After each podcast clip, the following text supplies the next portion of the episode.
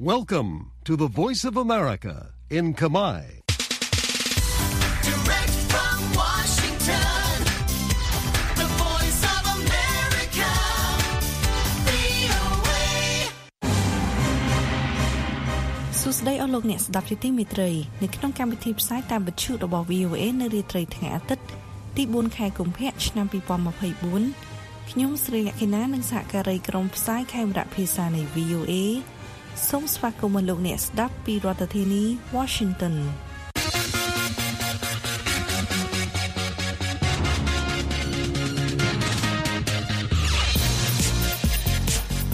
នៅក្នុងការផ្សាយរបស់ VOA ជាបន្តបន្តទៅនេះយើងមានសេចក្តីរាយការណ៍អំពីគណៈបកដ៏មានប្រជាប្រិយភាពរបស់ថៃត្រូវបានបញ្ជាឲ្យបញ្ឈប់ការប្រឹងប្រែងកែប្រែច្បាប់ការពាររបបរាជានិយម គម្រប់ខួប3ឆ្នាំនៃការធ្វើរដ្ឋប្រហារយោធានៅក្នុងប្រទេសមីយ៉ាន់ម៉ាពលរដ្ឋអ៊ីស្រាអែលនិងប៉ាឡេស្ទីនរៀបរាប់ពីរឿងរ៉ាវនៃការធ្វើចំណាក់ស្រុកបន្ទាប់ពីការពីប្រហារថ្ងៃទី7ខែតុលានិងសេចក្តីរាយការណ៍អំពីរូបចម្លាក់វីរៈជនសង្គ្រាមតៃវ៉ាន់ប្រឈមនឹងសត្វកំណាចក្រហមតទៅទៀតនេះសូមលោកអ្នកនាងស្ដាប់សេចក្តីរាយការណ៍ទាំងនេះដូចតទៅ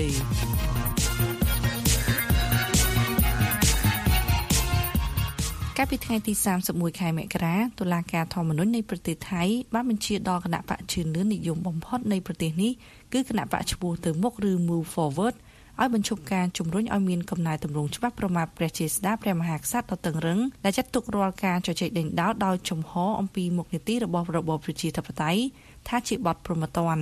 អ្នកស្រីវិជ្ជរាដួងឌីរីកាពីទីក្រុងបាងកកហើយលោកឈឹមសុមេតជួនសេចក្តីប្រែសម្រួល តុលាការធម្មនុញ្ញថៃមិនបានរំលាយគណៈបកឈ្មោះទៅមុខទេ ដោយបានបញ្ជាមិនឲ្យមានវិបត្តិនយោបាយកាត់ឡើងក្រោយនោះភ្លាមភ្លាមគណៈបកឈ្មោះទៅមុខឬ Move Forward បានធ្វើឲ្យក្រុមអ្នកកាន់អំណាចរាជានិយមស្រឡាំងកាំងដោយបានឆ្នះឆ្នោតទទួលអាសនៈចានបំផុតក្នុងរដ្ឋសភានៅក្នុងការបោះឆ្នោតកាលពីខែឧសភាឆ្នាំ2023តែយ៉ាងណាក៏ដោយក៏បកនេះត្រូវបានបង្ខំ ឲ្យទៅជាបកប្រឆាំងដោយក្រុមចម្រុះអភិរក្សនិយមដែលគ្រប់គ្រងប្រទេសនៅពេលនេះគណៈបកឈ្មោះទៅមុខបានទទួលការគ្រប់គ្រងពីក្រមយុវជននិងពួកមនុស្សចាស់ចាស់ដោយសាររបៀបវិរៈកំណែតម្រង់របស់ខ្លួន មានរួមការកែប្រែច្បាប់ប្រមាថប្រជាស្ដារដែលអាចនាំឲ្យមានទោសជាប់ពន្ធនាគាររហូតដល់15ឆ្នាំ ក្នុងបទចោទនីមួយៗស្ដីពីការប្រមាថស្ថាប័នរាជានិយម ច្បាប់នេះការពារស្ថាប័នកម្ពុជារបស់ប្រទេសថៃ ដឹកនាំដោយព្រះរាជា មហាវិជ្ជាលង្កនដែលដឹកនាំប្រព័ន្ធបរិបាលភាពដែលឧបត្ថម្ភផ្ចុំផ្ដើមប្រតិកលាគ្នាសំខាន់បំផុតរបស់ប្រទេសនិងជាព្រះរាជាមួយអង្គក្នុងបណ្ដាព្រះរាជាមានធនធានច្រើនក្នុងពិភពលោក ពួកអ្នករិះគន់ច្បាប់នេះនិយាយថា វាសម្រាប់សេរីភាពក្នុងការនិយាយស្ដីបញ្ចេញមតិ តឹងរឹងពេកនិងត្រូវបានយកធ្វើជាអាវុធដោយពួកអភិរក្សនិយមដើម្បីចាប់ក្រុមអ្នកធ្វើយុទ្ធនាការគ្រប់គ្រងប្រជាធិបតេយ្យដាក់គុក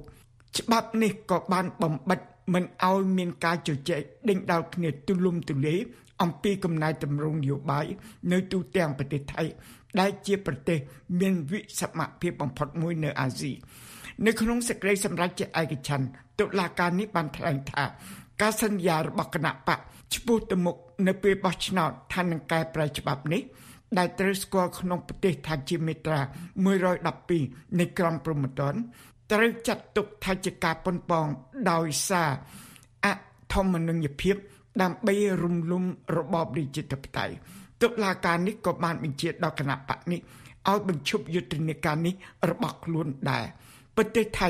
មានការតស៊ូអំណាចតាំងតឹងជាច្រើនទសវត្សរ៍មកហើយរវាងក្រុមអ្នកកាន់អំណាចរាជានិយមដែលពឹងពាក់លើរដ្ឋប្រហារយោធា និងសេចក្តីសម្រេចរបស់តុលាការដើម្បីរក្សាអំណាចរបស់ខ្លួន និងក្រុមសាធារណជន ដែលបោះឆ្នោតចរន្តឡើងចឡើងឲ្យពួកគណៈបកលំអៀងទៅខាងប្រជាធិបតេយ្យ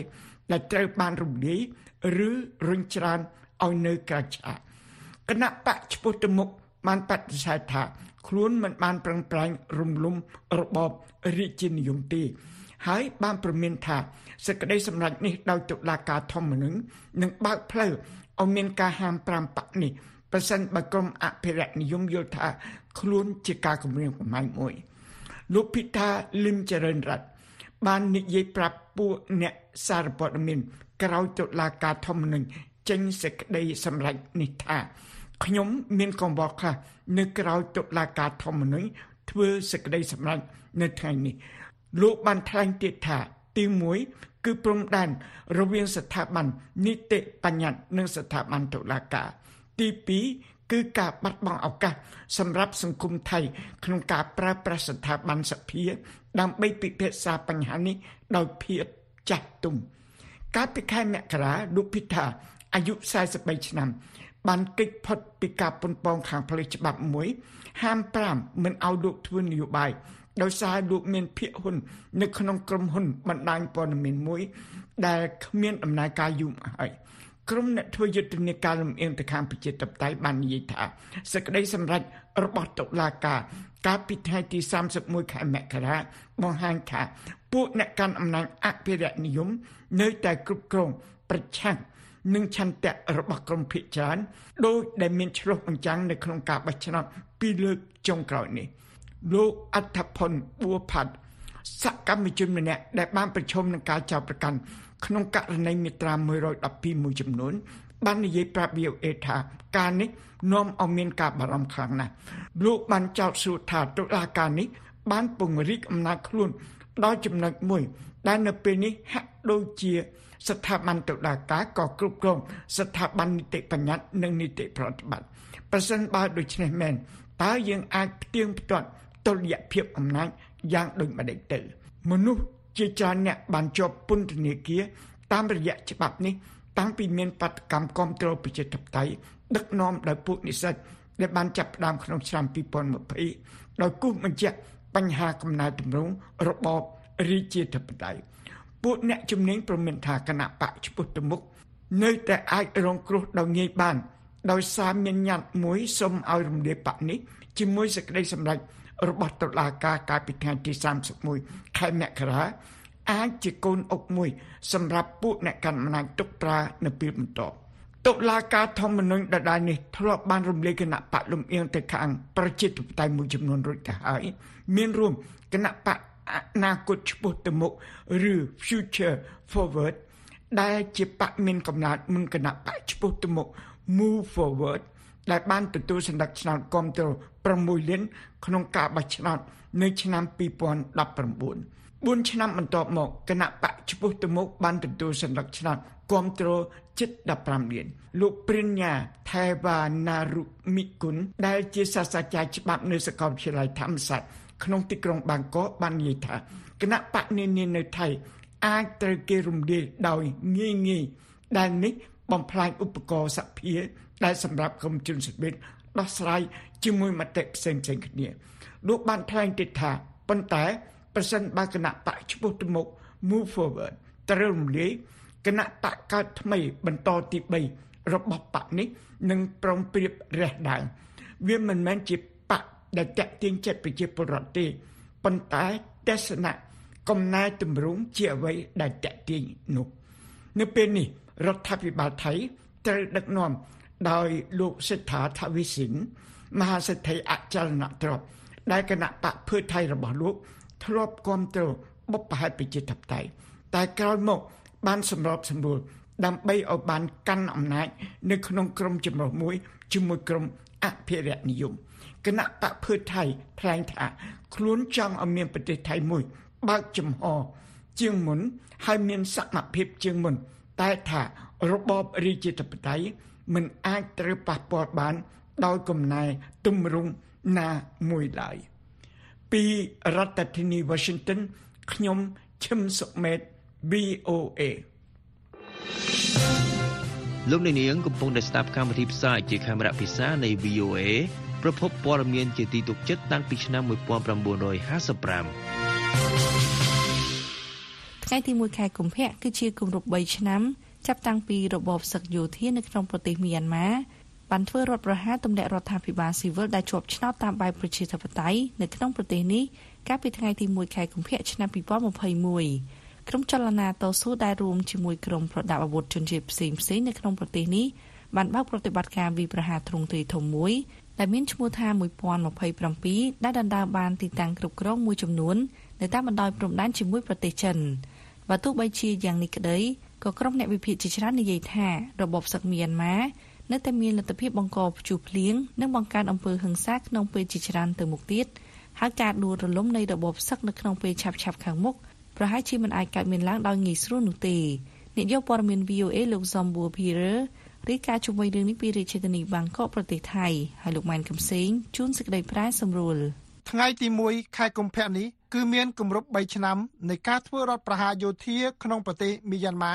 ដែលបានទម្លាក់រដ្ឋាភិបាលជាប់ឆ្នោតតាមលទ្ធិប្រជាធិបតេយ្យដែលបណ្ដាលឲ្យមានសង្គ្រាមស៊ីវិលបង្ហូរឈាមមួយដែលកំពុងបន្តហែកហួរប្រទេសជាតិមួយនេះដែលមានប្រជាជនចំនួន55លាននាក់វាក៏ជាថ្ងៃកត់សម្គាល់រយៈពេលជាង3ខែដែរ ចាប់តាំងពីមានប្រតិបត្តិការថ្ងៃទី27ខែតុលាឬ1027ដែលជាការវាប្រហារដ៏សំខាន់របស់ក្រុមប្រដាប់អាវុធដែលប្រឆាំងនឹងរបបយោធានៅក្នុងប្រទេសមីយ៉ាន់ម៉ាផងដែរយុទ្ធនាការនេះបានធ្វើឲ្យរបបយោធាមីយ៉ាន់ម៉ាចាញ់នៅសមរភូមិប្រយុទ្ធមួយចំនួនដែលមិនធ្លាប់មានពីពេលមុនមកនិងជាការកំណត់ឡើងវិញនៅសង្គ្រាមនៅក្នុងប្រទេសនេះលោក Richard Horsey ទីប្រឹក្សាជាន់ខ្ពស់ស្ដីពីប្រទេសមីយ៉ាន់ម៉ាប្រចាំក្រមវិបត្តិអន្តរជាតិបានប្រាប់ VOA ដូចនេះថា នៅពេលដែលយើងនិយាយថាតើយើងកំពុងនៅចំណុចណានៅថ្ងៃនេះក្រោយពីរយៈពេល3ឆ្នាំកន្លងទៅនោះគឺយើងចង់និយាយយ៉ាងពិតប្រាកដថាតើយើងកំពុងស្ថិតនៅចំណុចណា ក្រោយប្រតិបត្តិការ1027នោះក្រោយការចាប់ផ្ដើមការវាយប្រហារថ្ងៃទី27ខែតុលាកន្លងទៅកងកម្លាំងនៃក្រមប្រឆាំង បានដណ្ដើមគ្រប់គ្រងតំបន់ប្រជុំជនជាច្រើនកន្លែងនៅក្នុងរដ្ឋសាន ដែលស្ថិតនៅភាគឦសានប្រទេសមីយ៉ាន់ម៉ាជាប់នឹងព្រំប្រទល់ប្រទេសចិនដោយពួកគេគ្រប់គ្រងផ្លូវសំខាន់សំខាន់ទៅកាន់តំបន់ព្រំដែននិងបានបង្ខំឲ្យកងទ័ពនៃរបបសឹកជាច្រើនរយនាក់បានចោះចូលជាមួយពួកគេផងដែររបបសឹកមីយ៉ាន់ម៉ាបានឆ្លើយតបវិញនឹងការបាត់បង់នោះដោយការវាយប្រហារតាមផ្លូវអាកាសនិងបាញ់ផ្លោងដោយកំភ្លើងធំជាច្រើនគ្រាប់ តែរហូតមកដល់ពេលនេះនៅមិនទាន់អាចយកបានមកវិញនៅទីតាំងដែលពួកគេបាត់បង់នៅឡើយនោះទេការនេះបានធ្វើឲ្យក្រុមប្រឆាំងនៅទូទាំងប្រទេសមីយ៉ាន់ម៉ាវាយប្រហារដែលធ្វើឲ្យរបបយោធាកាន់តែចាញ់ច្រើនទៅច្រើនទៅ លោកហូស៊ីបានឲ្យដឹងទៀតថានៅក្នុងតំបន់ជាច្រើននៃប្រទេសមីយ៉ាន់ម៉ាក្រុមប្រដាប់អាវុធជនជាតិភៀតតិច និងក្រុមកម្លាំងតស៊ូបានចាប់ផ្ដើមបើកការវាយប្រហារចាប់តាំងពីថ្ងៃទី27ខែតុលាកន្លងទៅក្រុមកម្លាំងទាំងនេះ បានឃើញពីស្ថានភាពនេះនិងនិយាយថាក្រុមយោធាមីយ៉ាន់ម៉ាកំពុងជួបសំណាងអាក្រក់និងខ្សោយមិនគួរឲ្យជឿដូច្នេះគេផ្ដល់ជំនឿចិត្តដល់ក្រុមទាំងនេះដើម្បីធ្វើការវាយប្រហារបន្តវិជាស្ថានអន្តរជាតិសម្រាប់ការសិក្សាយុទ្ធសាស្ត្រដែលជាក្រុមស្រាវជ្រាវរបស់ប្រទេសអង់គ្លេស ដែលតាមដានការវាយប្រយុទ្ធគ្នាក្នុងប្រទេសមីយ៉ាន់ម៉ាបានកត់សម្គាល់អំពើហិង្សាកើនឡើងកាន់តែខ្លាំងចាប់តាំងពីខែមិថុនាកន្លងទៅដោយមានព្រឹត្តិការណ៍វាយប្រយុទ្ធគ្នាជាង1000លើកក្នុងខែវិច្ឆិកានិងខែធ្នូឆ្នាំ2023លោកមីនហ្សូអ៊ូជំនួយការស្រាវជ្រាវនៃមជ្ឈមណ្ឌលក្រៅរដ្ឋាភិបាល សម្រាប់ការសិក្សាអន្តរជាតិនិងយុទ្ធសាស្ត្រក្នុងរដ្ឋធានី Washington សហរដ្ឋអាមេរិកបានចំណាយពេល1ខែដោយធ្វើដំណើរពីពេញប្រទេសមីយ៉ាន់ម៉ាកាលពីចុងឆ្នាំ2023កន្លងទៅនឹងបានជួបនិយាយជាមួយមេបញ្ជាការកងវរៈសេនាតូចនៃរបបសឹកមីយ៉ាន់ម៉ានិងមនុស្សមួយចំនួនផ្សេងទៀតលោកបានប្រាប់ VOA ថាលោកឃើញថាក្រមយោធានៃរបបសឹកមីយ៉ាន់ម៉ាមិនបានត្រៀមខ្លួនក្នុងការទប់ស្កាត់បរាជ័យរបស់ខ្លួន ក្រោយខ្វះខាតការគ្រប់គ្រងល្អអស់ពេលជាច្រើនទសវត្សរ៍កន្លងទៅនេះលោកមីនហ្សូអ៊ូនិយាយថាអស់រយៈពេលជាច្រើនឆ្នាំមកហើយដែលក្រមយោធាមិនបានវិនិយោគលើយុទ្ធសាស្ត្រនិងយុទ្ធោបករណ៍ដែលត្រូវការចាំបាច់ដើម្បីការពារយុទ្ធជនរបស់ខ្លួនពីការវាយប្រហារការប្រយុទ្ធនឹងក្រុមអូទាមមួយឬពីរក្រុមក្នុងពេលតែមួយធ្វើឲ្យយោធាមីយ៉ាន់ម៉ាជួបការលំបាកជាខ្លាំងក្នុងពេលកន្លងទៅ ការប្រឈមនឹងសម្ពាធខ្លាំងពីគ្រប់ទិសទីចាប់តាំងពីក្រោយថ្ងៃរដ្ឋប្រហារមកធ្វើឲ្យរបបសឹកមួយនេះមានបញ្ហាជាច្រើនក្នុងពេលខាងមុខលោកមីនហ្សូអ៊ូបន្ថែមទៀតថាក្រោមការដឹកនាំរបស់នាយឧត្តមសេនីយ៍មីនអ៊ុងឡង់ដែលបានដឹកនាំធ្វើរដ្ឋប្រហារក្រមយោធា បានដំឡើងឋានន្តរស័ក្តិដល់មេបញ្ជាការជាន់ខ្ពស់ជាច្រើនរយនាក់ដែលមានបទពិសោធន៍ប្រយុទ្ធតិចតួចឬគ្មានសោះតែម្ដង លោកមីនហ្សមិនបានមើលឃើញថា រឿងទាំងនេះនឹងមានការផ្លាស់ប្ដូរក្នុងពេលឆាប់ឆាប់ខាងមុខនេះឡើយដែលនេះជាប្រយោជន៍សម្រាប់ចលនាតស៊ូលោកបន្ថែមទៀតថា នៅក្រោមការដឹកនាំបច្ចុប្បន្នលោកគិតថាក្រមយោធាមិនអាចជួយជលស្ថានភាពលំបាករបស់ខ្លួនបានឡើយគេនៅតែមិនអាចដោះស្រាយផ្នែកយុទ្ធសាស្ត្រនៅឡើយទេ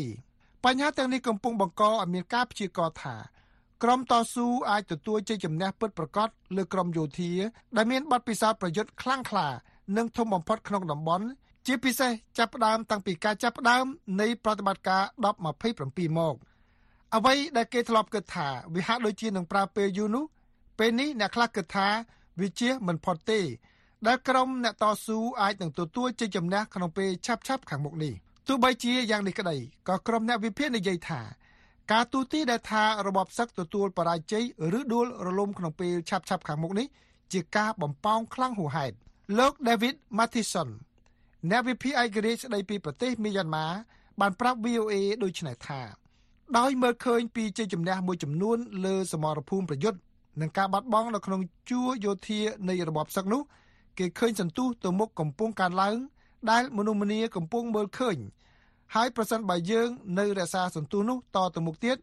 យើងពិតជាអាចផ្ដួលកម្លាំងយោធានៃរបបសឹកនេះបាន លោកបន្ថែមទៀតថា ប៉ុន្តែខ្ញុំគិតថា ការព្យាករណ៍ណាមួយដែលថាជ័យជំនះនោះវានឹងកើតឡើងឆាប់ប៉ុណ្ណានោះគឺត្រូវតែប្រយ័ត្នប្រយែងក្រុមមនុស្សគ្រប់គ្រងប្រតិបត្តិការ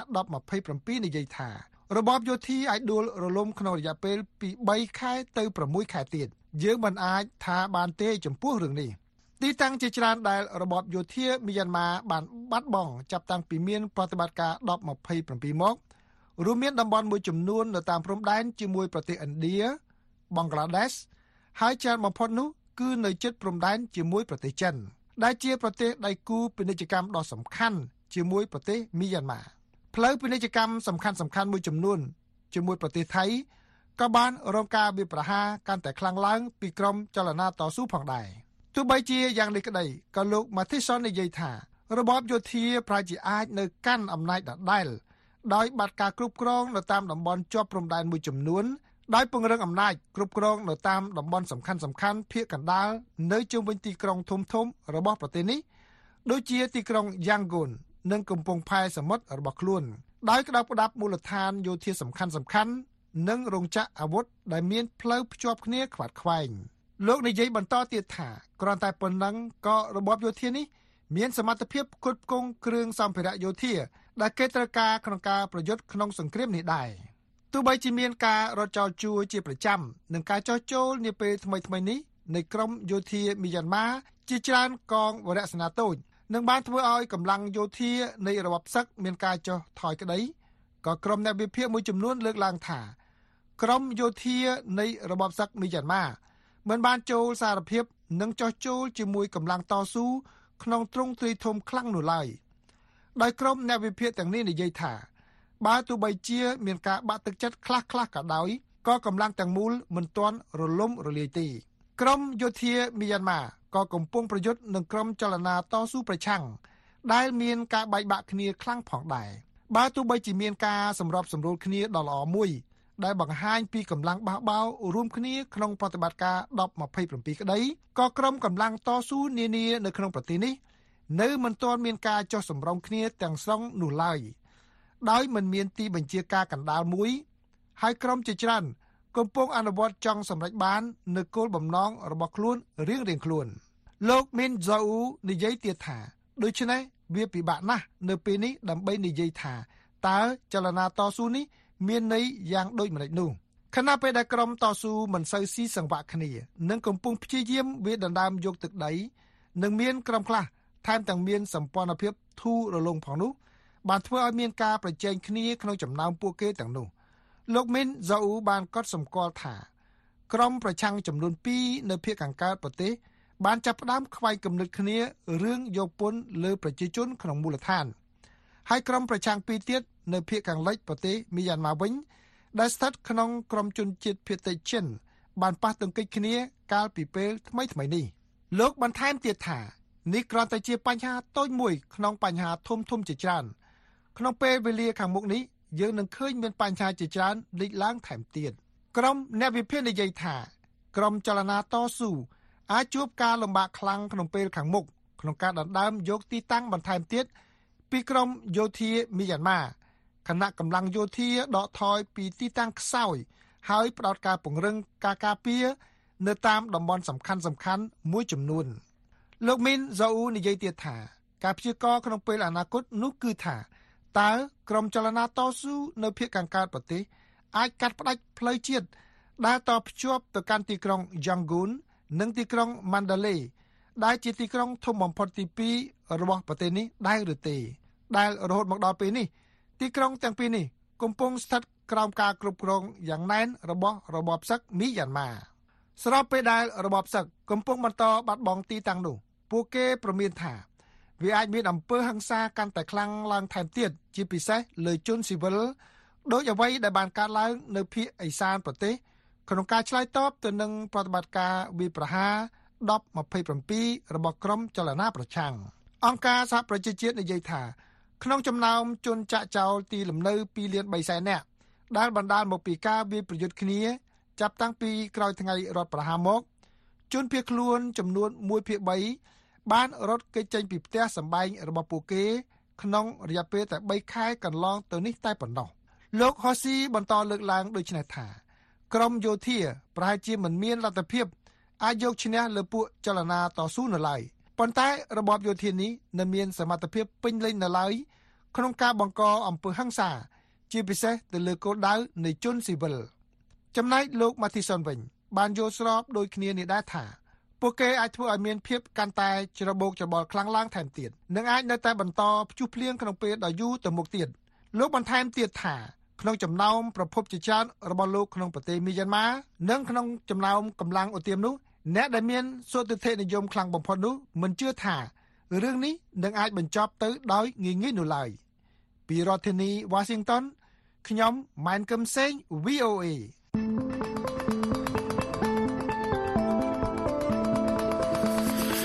អ្នកនាងកំពុងតែស្ដាប់កម្មវិធីផ្សាយរបស់ VOA ពីរដ្ឋធានី Washington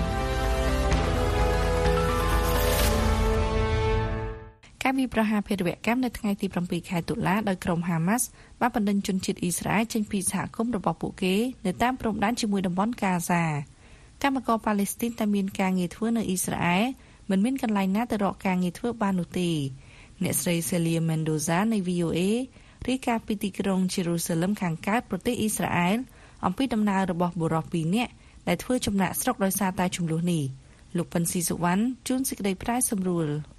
មានតែងកពូតព្រៃពីបេដុំប៉ុណ្ណោះនៅពេលលោករ៉ាមីហ្គោលវ័យ70ឆ្នាំដែលជាអតីតយុទ្ធជននៃកងទ័ពអ៊ីស្រាអែលត្រឡប់ទៅផ្ទះវិញនៅសហគមន៍បេរីលោកបានរួចជីវិតពីការវាយប្រហារភេរវកម្មរបស់ក្រុមហាម៉ាស់កាលពីថ្ងៃទី7ខែតុលាបន្ទាប់ពីប្រើបទពិសោធន៍យោធារបស់លោកដើម្បីការពារសហគមន៍ លោកថ្លែងថារាល់បង្អួចដែលអ្នកឃើញនៅទីនេះជាបង្អួចជំរកការពារក្របបែកហើយអ្នកអាចមើលឃើញផ្សែងចេញពីបង្អួចទាំងនោះសវត្ថិភាពរបស់សហគមន៍ត្រូវបំផ្លាញហើយការជំនះបានចាប់ផ្ដើមយោងតាមក្រសួងការពារជាតិអ៊ីស្រាអែលជនស៊ីវិលអ៊ីស្រាអែលប្រមាណ125,000នាក់កំពុងចូលរួមក្នុងកម្មវិធីជំនះថ្នាក់ជាតិដោយមានប្រមាណ50,000នាក់មកពីភាគខាងជើងអ៊ីស្រាអែលហើយអ្នកផ្សេងទៀតមកពីភាគខាងត្បូងលោករ៉ាមីហ្គោបន្តទៀតថា You go into the into the cub- into the to the hotel, and people are looking at each other, and they have nothing to say. យើងចូលទៅក្នុងសន្តាគារហើយមនុស្សម្នាមើលមុខគ្នាដោយមិននិយាយអ្វីទេដូច្នេះហើយពួកគេអោបគ្នាអ្នកគិតមើលចុះមនុស្សជាង1000នាក់អោបគ្នាដោយមិននិយាយអ្វីទាំងអស់ There's no មាន family គ្រួសារណាមួយក្នុងសហគមន៍នេះមិនបានរងគ្រោះនោះទេការវាយប្រហាររបស់ក្រុមហាម៉ាស់ក៏បានបំផ្លាញជីវិតពលរដ្ឋហ្គាហ្សាដែលធ្វើការនៅអ៊ីស្រាអែលផងដែរ នៅឆ្នាំ2023រដ្ឋាភិបាលបានចេញបានការងារជាង18000លោកមូទីសដែលសូមមិនបញ្ចេញនាមតកូលគឺជាពលរដ្ឋហ្គាហ្សាដែលទទួលបានបានការងារក្នុងចំណោមមនុស្សផ្សេងទៀតលោកមូទីសកម្មករហ្គាហ្សាដែលធ្វើចំណាក់ស្រុកថ្លែងថា នៅពេលសង្គ្រាមចាប់ផ្ដើមនៅថ្ងៃទី7ខែតុលានិងនៅថ្ងៃដំបូងពួកយើងខ្លះត្រូវចាប់ខ្លួនហើយមនុស្សជាច្រើនត្រូវនាំយកមកទីក្រុងរ៉ាម៉ាឡានេះខ្ញុំនៅក្នុងចំណោមពួកគេហើយយើងភ័យខ្លាចគ្រួសាររបស់យើងរស់នៅតំបន់ហ្គាហ្សាយើងមិនដឹងត្រូវធ្វើយ៉ាងម៉េចទេយើងគ្រាន់តែស្នាក់នៅទីនេះយោងតាមអង្គការសហប្រជាជាតិចាប់តាំងពីថ្ងៃទី7ខែតុលាប្រជាជនហ្គាហ្សា85%ស្មើនឹង1លាន6សែននាក់រត់ចោលផ្ទះសម្បែងក្នុងស្រុក ភរិយានិងកូនកូនរបស់លោកមូទីសមិនបានជួបគ្នាតាំងពីពាក់កណ្ដាលខែកញ្ញានៅពេលដែលលោកទៅធ្វើការនៅអ៊ីស្រាអែលសាងសង់ចម្រោកគ្រាប់បែកដែលជាឱកាសលោកពេញចិត្តលោកថ្លែងថាខ្ញុំធ្វើការនឹងរកបានប្រាក់ហើយអ្វីៗគ្រប់យ៉ាងល្អជាង3ខែក្រោយមកមនុស្សគ្រប់គ្នាមានវាសនាខុសគ្នាខ្លាំងណាស់ពេលត្រឡប់មកផ្ទះវិញគណៈប្រតិបត្តិការយោធានៅបន្តនៅហ្គាហ្សាលោកមូទីសថ្លែងថាខ្ញុំសូមព្រះមេត្តាប្រោសពួកគេទាំងអស់គ្នាខ្ញុំនឹកគ្រួសាររបស់ខ្ញុំ ចង់ឲ្យពួកគេនឹងនៅជាមួយពួកគេសម្រាប់លោករ៉ាមីហ្គោលជំហានដំបូងគឺត្រូវត្រឡប់ទៅសហគមន៍វិញលោកថ្លែងថា That terrible day is also uh, ថ្ងៃដ៏អាក្រក់នោះក៏ជាជំរឿសដើម្បីធ្វើអ្វីដែលប្រសើរជាងនេះស្ថានភាពនេះនឹងបន្តទៅមុខទៀតគណៈការសាងសង់ឡើងវិញនឹងត្រូវធ្វើនៅលើទឹកដីរបស់ភាគីចំនួនទាំងសងខាង ពីទីក្រុង Lowell រដ្ឋ Massachusetts ខ្ញុំពិនស៊ីសវណ្ណ VOA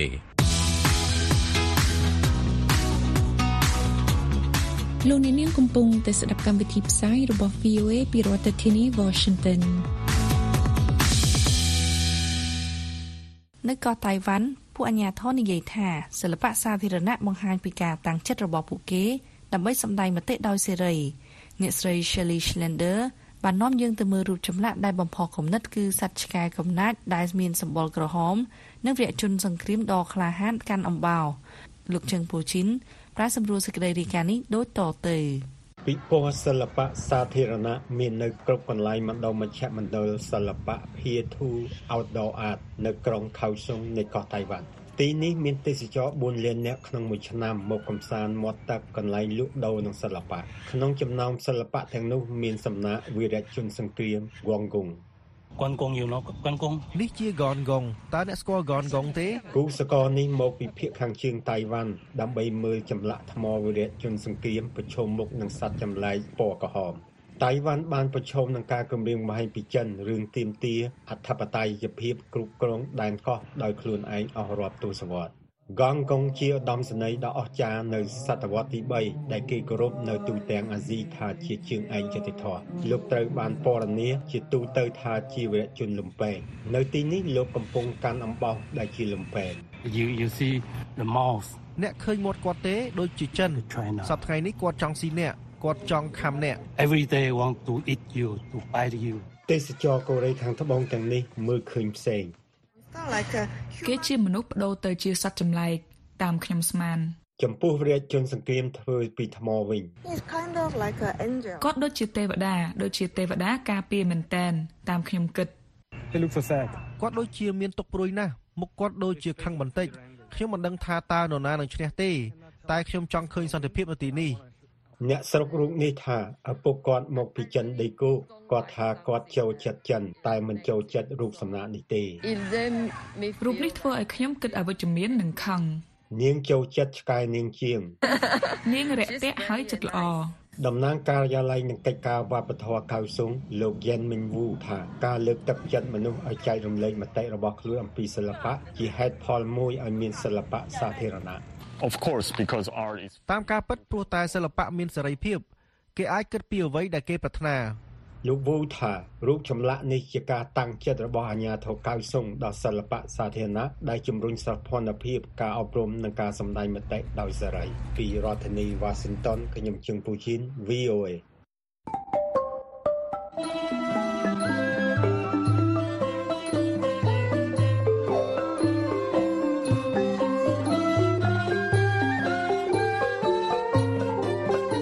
មវិធីផ្សាយរបស់ VOA នៅព្រឹកនេះចប់តែប៉ុណ្ណេះប៉ុន្តែលោកអ្នកនាងនឹងអាចស្ដាប់ឬអានព័ត៌មានរបស់ VOA ឡើងវិញបាន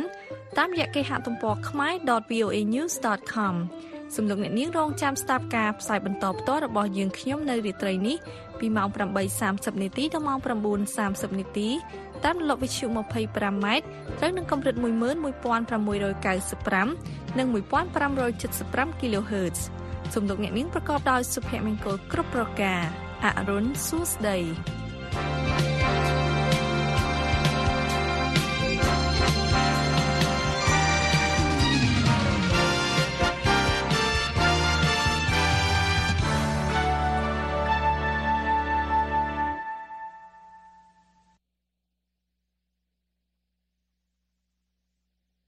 This program has come to you from the Voice of America, Washington.